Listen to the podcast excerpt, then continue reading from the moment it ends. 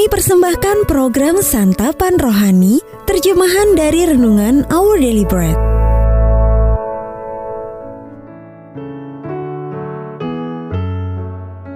Sahabat ODB, pembacaan Alkitab hari ini terambil dari Yeremia pasal yang ke-32, ayat yang ke-6 sampai dengan ayat yang ke-15.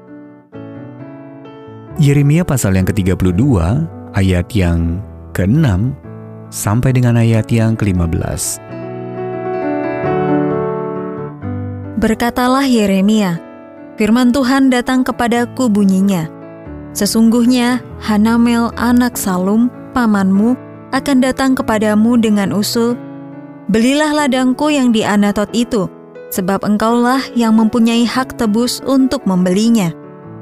Kemudian sesuai dengan firman Tuhan, datanglah Hanamel anak pamanku kepadaku di pelataran penjagaan dan mengusulkan kepadaku, Belilah ladangku yang di Anatot di daerah Benyamin itu, sebab engkaulah yang mempunyai hak milik dan hak tebus.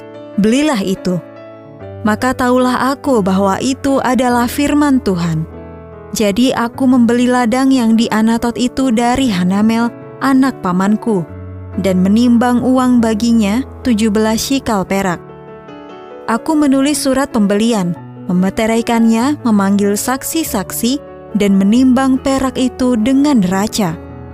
Lalu aku mengambil surat pembelian yang berisi syarat dan ketetapan itu, baik yang dimeteraikan maupun salinannya yang terbuka. Kemudian aku memberikan surat pembelian itu kepada Baruch bin Neria bin Mahesya di depan Hanamel, anak pamanku. Di depan para saksi yang telah menandatangani surat pembelian itu dan di depan semua orang Yehuda yang ada di pelataran penjagaan itu. Di depan mereka aku memerintahkan kepada Baruh, kataku, Beginilah firman Tuhan semesta alam Allah Israel. Ambillah surat-surat ini, baik surat pembelian yang dimeteraikan itu, maupun salinan yang terbuka ini. Taruhlah semuanya itu dalam bejana tanah, supaya dapat tahan lama. Sebab beginilah firman Tuhan semesta alam Allah Israel.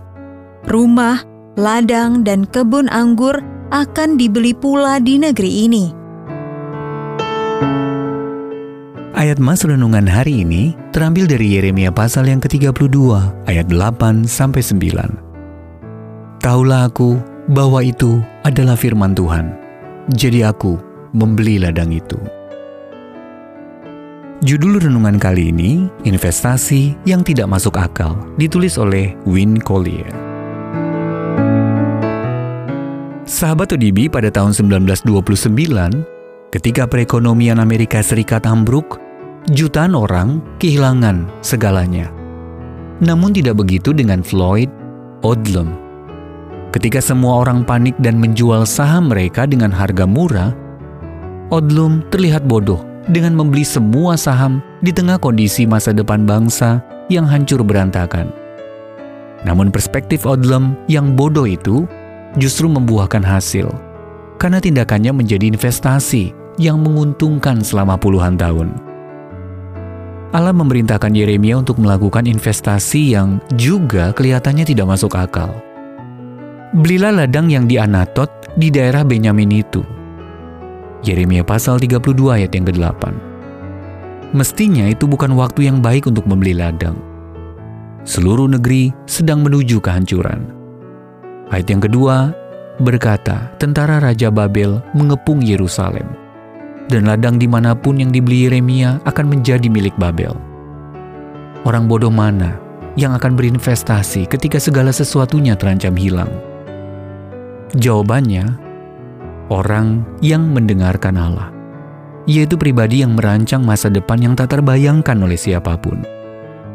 Sebab beginilah firman Tuhan semesta alam, Allah Israel, rumah, ladang, dan kebun anggur akan dibeli pula di negeri ini. Allah melihat melampaui reruntuhan dan kehancuran. Dia berjanji akan membawa penebusan, penyembuhan, dan pemulihan. Investasi yang tidak masuk akal dalam hubungan dengan Allah atau pelayanan baginya tidaklah bodoh.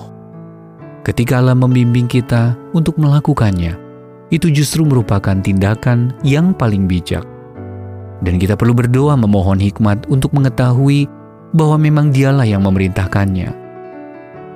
Ketika Allah memimpin kita untuk melayani bersama, investasi kita yang terlihat bodoh menjadi tindakan yang bijaksana. Kapan Anda merasa Allah meminta Anda melakukan investasi yang tidak masuk akal pada diri seseorang atau untuk suatu hal? Bagaimana tindakan itu menuntut Anda mempercayai Allah dengan cara yang tampak bodoh di mata orang? Ya Allah sungguh baik engkau mengetahui masa depan. Karena terkadang yang dapat kulihat hanyalah kehancuran dan bencana. Tunjukkanlah ke mana aku harus pergi dan membagikan hidupku. Our daily bread ministries Wartakan firman pada dunia Apakah Anda berminat mendapatkan buku renungan ini dalam bahasa Indonesia, Inggris, atau Mandarin? Atau Anda rindu mendukung pelayanan ini?